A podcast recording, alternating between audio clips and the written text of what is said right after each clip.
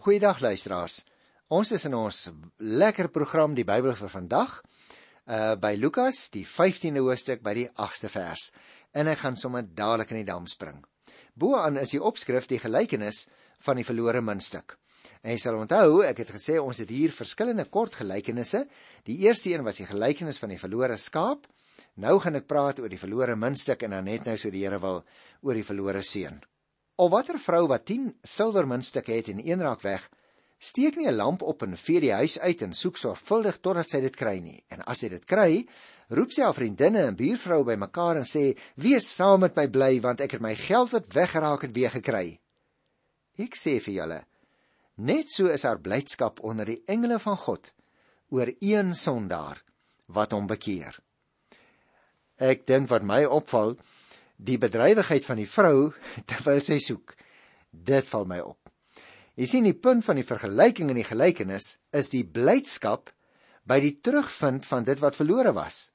So is daar vreugde en groot blydskap in die hemel oor een sondaar wat hom bekeer. 'n Vrou het in daardie tyd 10 silwer muntstukke as trougeskenk ontvang. So die mense het baie goed verstaan wat die Here Jesus hier vir hulle vertel as 'n illustrasie. En die geskenk het vir so 'n vrou net soveel beteken as 'n trouding vandag vir 'n vrou as die bruidegom dit aan die bruid se vinger steek. En daarom uh was dit hier in die gelykenis van die verlore muntstuk was die vrou so ontsteld juis toe een van die muntstukke weggeraak het. Die engele is net so bly as 'n verlore sondaar sy sondes voor God bely, lees ons, as wat die vrou was om weer haar muntstuk terug te kry. Elke mens luisteraar is vir God baie baie kosbaar. Miskien is jy die een wat vandag in die radio iewers alleen sit en reis en na hierdie program luister. Miskien lê jy alleen op jou bed. Miskien is jy in hartseer of stikkende omstandighede, voel jy sommer net deur almal verlaat. Luister, dis belangrik om te weet dat daar groot blydskap is in die hemel omdat God sondaars liefhet. Jy is ook vir die Here baie kosbaar. Die Here is hartseer as een van sy kinders verlore raak, maar hy juig oor elkeen wat weer gevind word en weer teruggebring word na die koninkryk. Is dit nie dalk vir jou luisteraar vir wie dit geld nie, wat dalk afgedwaal het en vandag deur die woord van die Here hier by wyse van die radio teruggeroep word na die voete van die man van Nasaret? Miskien is jy iemand wat nog nooit regtig tot oorgawe gekom het nie, nou wil ek vir jou ook roep in die naam van die Here. En nou kom ons luisteraars seker by een van die bekendste gedeeltes in die hele Bybel, die gelykenis van die verlore seun. Dit word net hier in Lukas gevind. Die ander evangeliste het dit nie aangeteken nie. En daarom gaan ek so 'n bietjie langer as gewoonlik hier by stil staan. Kom ons begin dadelik by vers 11 en 12. Verder het Jesus gesê: Daar was 'n man wat twee seuns gehad het. Die jongste het vir sy pa gesê: "Pa, gee my die deel van die besittings wat my toekom." Hy het toe die goed tussen hulle verdeel. Nou hierdie gelykenis luisteraars vorm eintlik 'n klimaks na die vorige twee, die een van die verlore skaap en die een van die verlore muntstuk. In die eerste was dit 'n verlore skaap, sal jy onthou. In die tweede was dit maar net 'n verlore muntstuk. Maar hier gaan dit om 'n verlore mens. Eintlik twee verlore mense as ons die verhaal nou nog gaan deurlees, sal jy dit agterkom. Die een verteenwoordig die sondaars en die tollenaars Die ander verteenwoordig die fariseërs en die skrifgeleerdes. En dan is daar die pa. Nou, dis belangrik as ons oplet hoe hierdie gelykenis begin. Want die jonger seun in die gelykenis van die verlore seun het 'n derde van sy pa se besittings gekry. Dit was natuurlik volgens die reëling wat 'n mens ook aangeteken vind in die woord van die Here in Deuteronomium 21 vers 17. So dit was niks vreemds nie. Gewoonlik het kinders eers die erfporsie na hulle pa se dood ontvang. Maar dit het wel soms gebeur dat 'n man sy besittings reeds voor sy dood aan sy kinders uitdeel en daarna het hy afgetree. Dit was dus nie so ongewoon dat die jonger seun sy pa gevra het om sy erfporsie vir hom te gee nie. Die punt wat die verhaal wil maak, is nie die vroegtydige opeis van die erfporsie nie, maar die manier waarop die vader die seun terugontvang het nadat hy hierdie erfporsie van hom gaan uitmors het daar buitekant in die lewe. Die gelykenis veronderstel dus dat die jongste seun waarskynlik ongetroud was en ook nog jonk. Destyds het 'n man so tussen 18 en 20 jarige ouderdom gewoonlik getrou. Maar hierdie een doen nou die ongewone ding om sy erfdeel te kom vra voor sy pa se dood. Die oudste seun moes 'n dubbele deel kry. Hy moes dus 2/3 ontvang. Miskien was hierdie ou ook so 'n bietjie uh, jaloers. Miskien was hy bang hy kry nie uiteindelik sy 1/3 nie en daarom eis hy dit op. Kom ons lees by vers 13 tot 16. Nie lank daarna nie het die jongste seun alles tot geld gemaak vir sy ouer huis af na 'n ver land toe te vertrek. Daar het hy sy geld verkwis deur losbandig te lewe. Nadat hy alles deurgebring het, het daar 'n kwaai hongersnood in daardie land gekom en hy het begin gebrek ly. Hy het sommer by een van die mense van daai land gaan bly en die het hom na sy plaas toe gestuur om varke op te pas. En daar het hy gewens dat hy sy honger kon stil met die peule wat die varke eet. Maar niemand het hom daarvan gegee nie. Die jongste seun, so lees ons, het sy goed in geld omgesit en na 'n ver land toe vertrek en daar het hy sy geld verkwis deur losbandig te lewe. Maar dan kom daar 'n oomblik. Ons het gelees nadat hy al sy geld deurgebring het, oorval 'n kwaai hongersnood die land. Jy sien, hy moes toe by 'n heiden gaan bedel wat hom op sy plaas laat varke oppas. Nou volgens die Jode natuurlik was die heidene onrein en ook die varke nog meer. 'n Jood wat varke oppas of voer is deur sy landgenote vervloek. Sy begeerte om varkkos te eet was die laagste laagtepunt waartoe 'n Jood ooit sou kon daal. Want jy sien, varke was mos volgens die wet van Moses, volgens Levitikus 11 vers 2 tot 8 onrein diere. En dit het beteken dat hulle nie geëet mag word nie of dat hulle nie as offers gebring mag word nie. Dit was vir die Jode so belangrik om rein te bly dat hulle nie eers aan 'n vark geraak het nie. Daarom was dit so 'n geweldige vernedering vir 'n Jood om varke te moes kos gee, wat tog te sê om varkvleis te eet of varke te moes oppas. Hierdie man, jong man, het werklik in 'n moras in sy lewe beland. Kom ons lees vers 17 tot 20. Toe kom hy tot inkeer. En dis 'n belangrike ding wat ons hier lees luisteraars. Toe kom hy tot inkeer en sê: "My pa het wie weet hoeveel dagloners en hulle het almal oorgenoeg kos en hier vergaan ek van die honger. Ek sal dadelik na my pa toe teruggaan vir hom sê: "Pa, ek het teen God en teen pa gesondig. Ek is nie meer werd om pa se seun genoem te word nie. Behandel my soos een van pa se dagloners." En hy sonder versuim na sy pa toe teruggegaan. O luisteraar in sy nood, bring God hom tot inkeer. En terselfdertyd het hy gedink aan die oorvloed aan sy pa se huis. Miskien is daar iemand wat vandag hierna luister wat ver afgedwaal het. Daar wil ek ook vir jou vra en nooi in die naam van die Here kom terug na die Here toe. As daar so iemand is wil ek 'n minuut of 2 minute daarin wy om vir jou spesiale baie kort en belangrike ou storieetjie te vertel wat my persoonlik so aangryp. Dis 'n storie wat uit Pole kom. Baie mooi verhaal van 'n soortgelyke jong man wat ook van sy ouer huis af weggegaan het en hulle was baie arme mense en sy pa het op die spoorweg gewerk daar in Pole, iewers in Pole, ek weet nie waar nie. Uh dit is later, die hele verhaal is later in 'n boek uitgegee, dis hoekom ek dit ken. En hierdie jong man het later net nie kans te sien nie en op 'n dag het hy sommer net op 'n trein geklim en weggery. En daar in 'n groot stad het hy gaan werk vir 3, 4 jaar. Hy was so skaam, hy het baie kere honger gekry, baie kere koud gekry in die sneeu van daardie deel van die wêreld, maar hy wou nie teruggaan nie. Maar op 'n dag kon hy dit nie langer hou nie. En hy vers, hy skryf in sy boek uit vir sy pa 'n briefie geskryf en gesê: "Pa, ek verlang na pa en ek is jammer oor alles wat ek gedoen het. En ek wil graag na pa en na ma toe terugkom. En ek gaan met die trein kom. En uh wou pa nie net in die boom daar op die erf, want jy sien hulle hulle ou huisie was naby die die spoorlyn. Wou pa nie net daar in die boom op ons erf 'n uh, eh, groot wit lint bou bind aan een van die takke nie. En uh as ek uh, daar kom en daar's nie 'n wit lint aan die boom nie, dan sal ek weet pa wil my nie ontvang nie. En so vertel hy in sy boek hoe dat hy te bang was toe die trein die klein dorpie nader. So skryf hy, het hy as dit ware onder die vensterbank geskuil en net so nou en dan oorgeloer want hy so bang. Daar is nie 'n wit lint nie. En toe die trein begin spoed verloor en die perron nader, Toe kan hy nie anders nie, toe moet hy uitkyk anders gaan hy nie die boom kan sien agter die gebou nie. En dan vertel hy in plaas van 'n wit lint het hy in die winter en daar was nie takke aan die boom nie.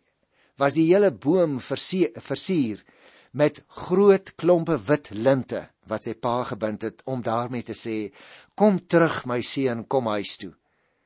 As daar so iemand is wat na ons program luister dan wil ek vir jou vra in die naam van die Here kom terug na die koning toe. Daarom sê vers 20 ook hier en hy sonder versuim na sy pa toe teruggegaan. Sy nood het hom tot inkeer gebring. En daarom het hy besluit hier in die verhaal om beslis en daadwerklik op te tree. Hy's gewillig om sy sonde voor God en voor sy pa te gaan bely en as 'n dagloner sê hy sal hy vir sy pa gaan werk. Hy het immers alle aanspraak eintlik om as seun erken te word verbeur. En dan staan er hy handel sonder versuim op sy voorneme. Hy is haastig om terug te gaan. Luisteraars, party mense moet soms ongelukkig tot die laaste vlak daal voordat hulle tot hulle sinne kan kom. Die jongste seun se gesindheid het gespruit uit 'n vals voorstelling van wat ware vryheid beteken. Sy gesindheid verskil dus nie veel van die wat ons dikwels vandag rondom ons sien nie. Mense moet baie kere eers in ontsettende droefheid beland voordat hulle hulle wend na die enigste een wat kan help. Probeer jy dalk ook om jou lewe te leef soos wat jy dalk graag dit wil doen? Is die uitleef van jou selfsugtige begeertes dalk vir jou die hoogste geluk? Moenie mislei word deur vals voorstellings van die wêreld nie, luisteraar. Alles wat blink en wat lyk asof dit na vrolikheid lei, is nie noodwendig die dinge wat geluk bring nie. En daarom gaan hy nou terug. In die twee voorafgaande gelykenisse het die persoon elke keer dat die verlore skaap in die muntstuk gesoek, want hulle kon nie van self regkom nie. Maar in hierdie verhaal gaan ons nou sien hoe die pa wag, hoe hy kyk of sy seun nie dalk terugkom nie. Kyk hier na vers 20b in Lukas 15. Toe hy nog ver aankom, het sy pa hom al gesien en hom innig jammer gekry. Hy hardloop hom tegemoet, omhels hom en soen hom. Toe sê die seun vir hom: "Pa, ek het teen God en teen pa gesondig. Ek is nie meer werd om pa se seun genoem te word nie."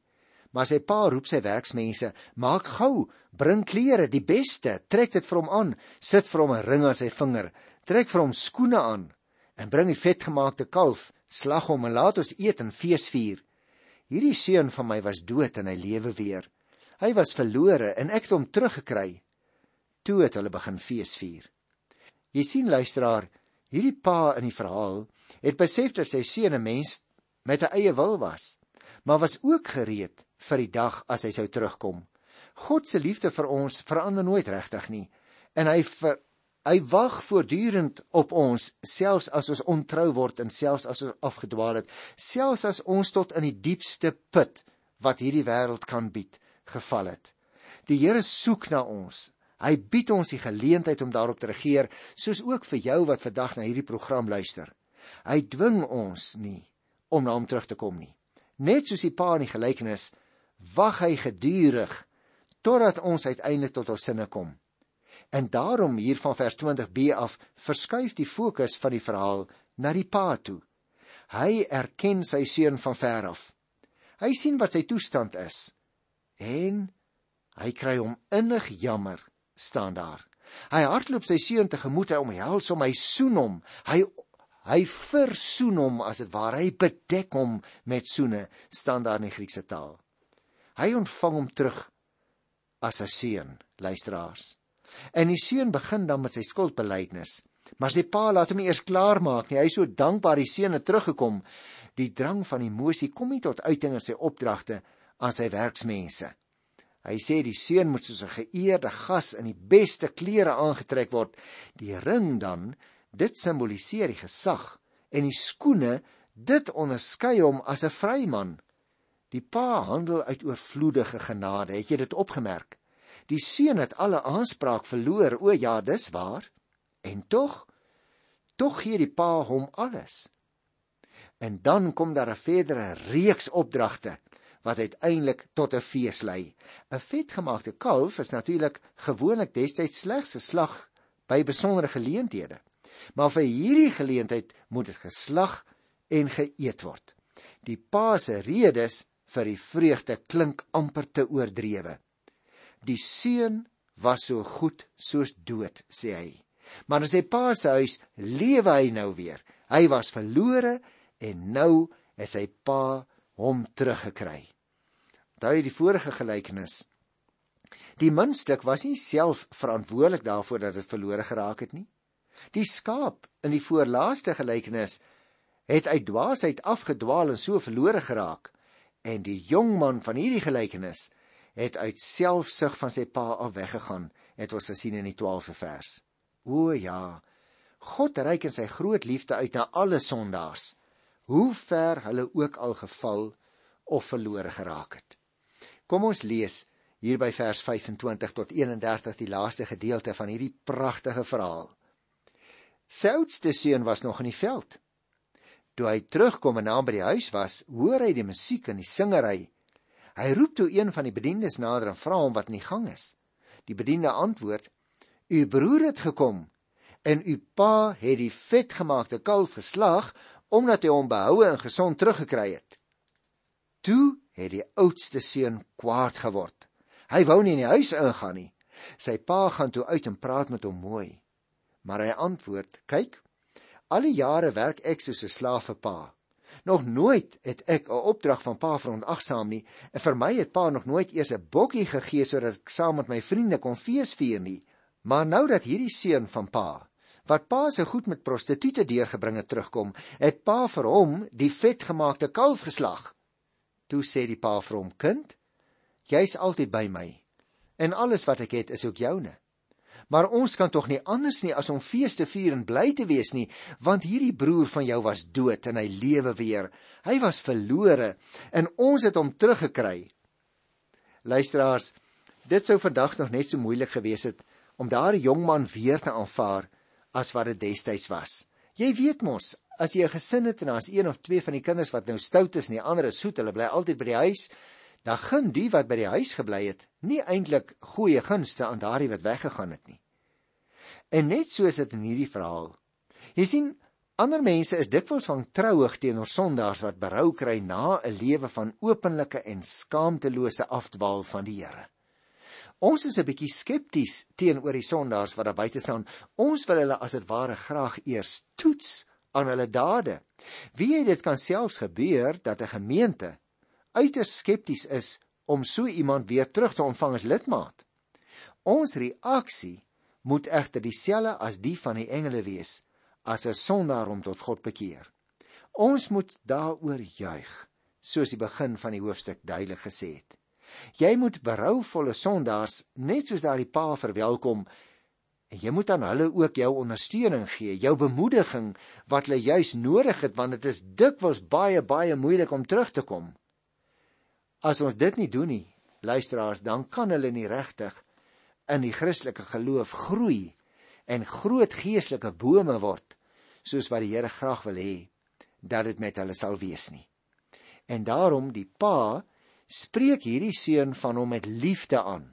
Hy verseker hom dat alles wat hy het ook aan die seun behoort. Hy behoort ook nou deel te hê in die vreugde van die fees. Die gelykenis stel dus 'n vraag aan die Fariseërs en die skrifgeleerdes. Sal die oudste seun ingaan en deelneem aan die feesmaal? Jy sien luisteraars, ons onthou dikwels hierdie gelykenis van die verlore seun en dan verloor ons die oudste broer uit die oog. Die verhaal is juis vertel met die oog op die oudste broer.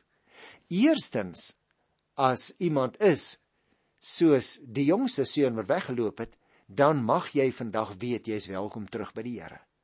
Maar jy en ek wat dikwels soos die oudste seun is, ons het by die huis gebly, maar ons harte is nie reg nie.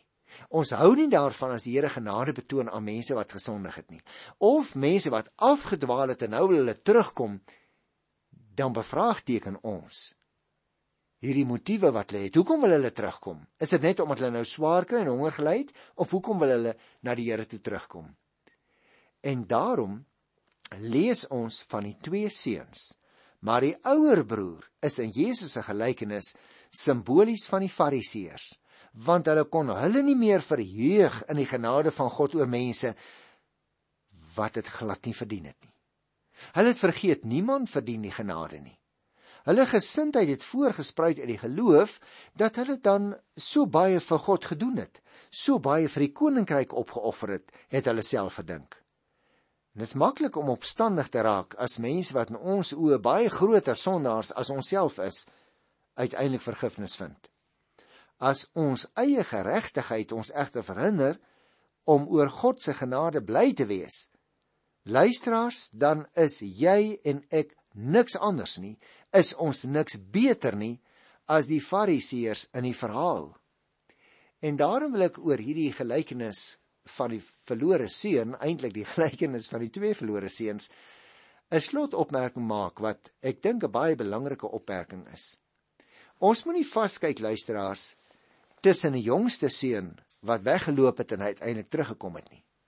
Ons moet ook nie vaskyk tussen die oudste seun wat by die huis gebly het en wat ontevrede was toe die pa grasie betoon het nie.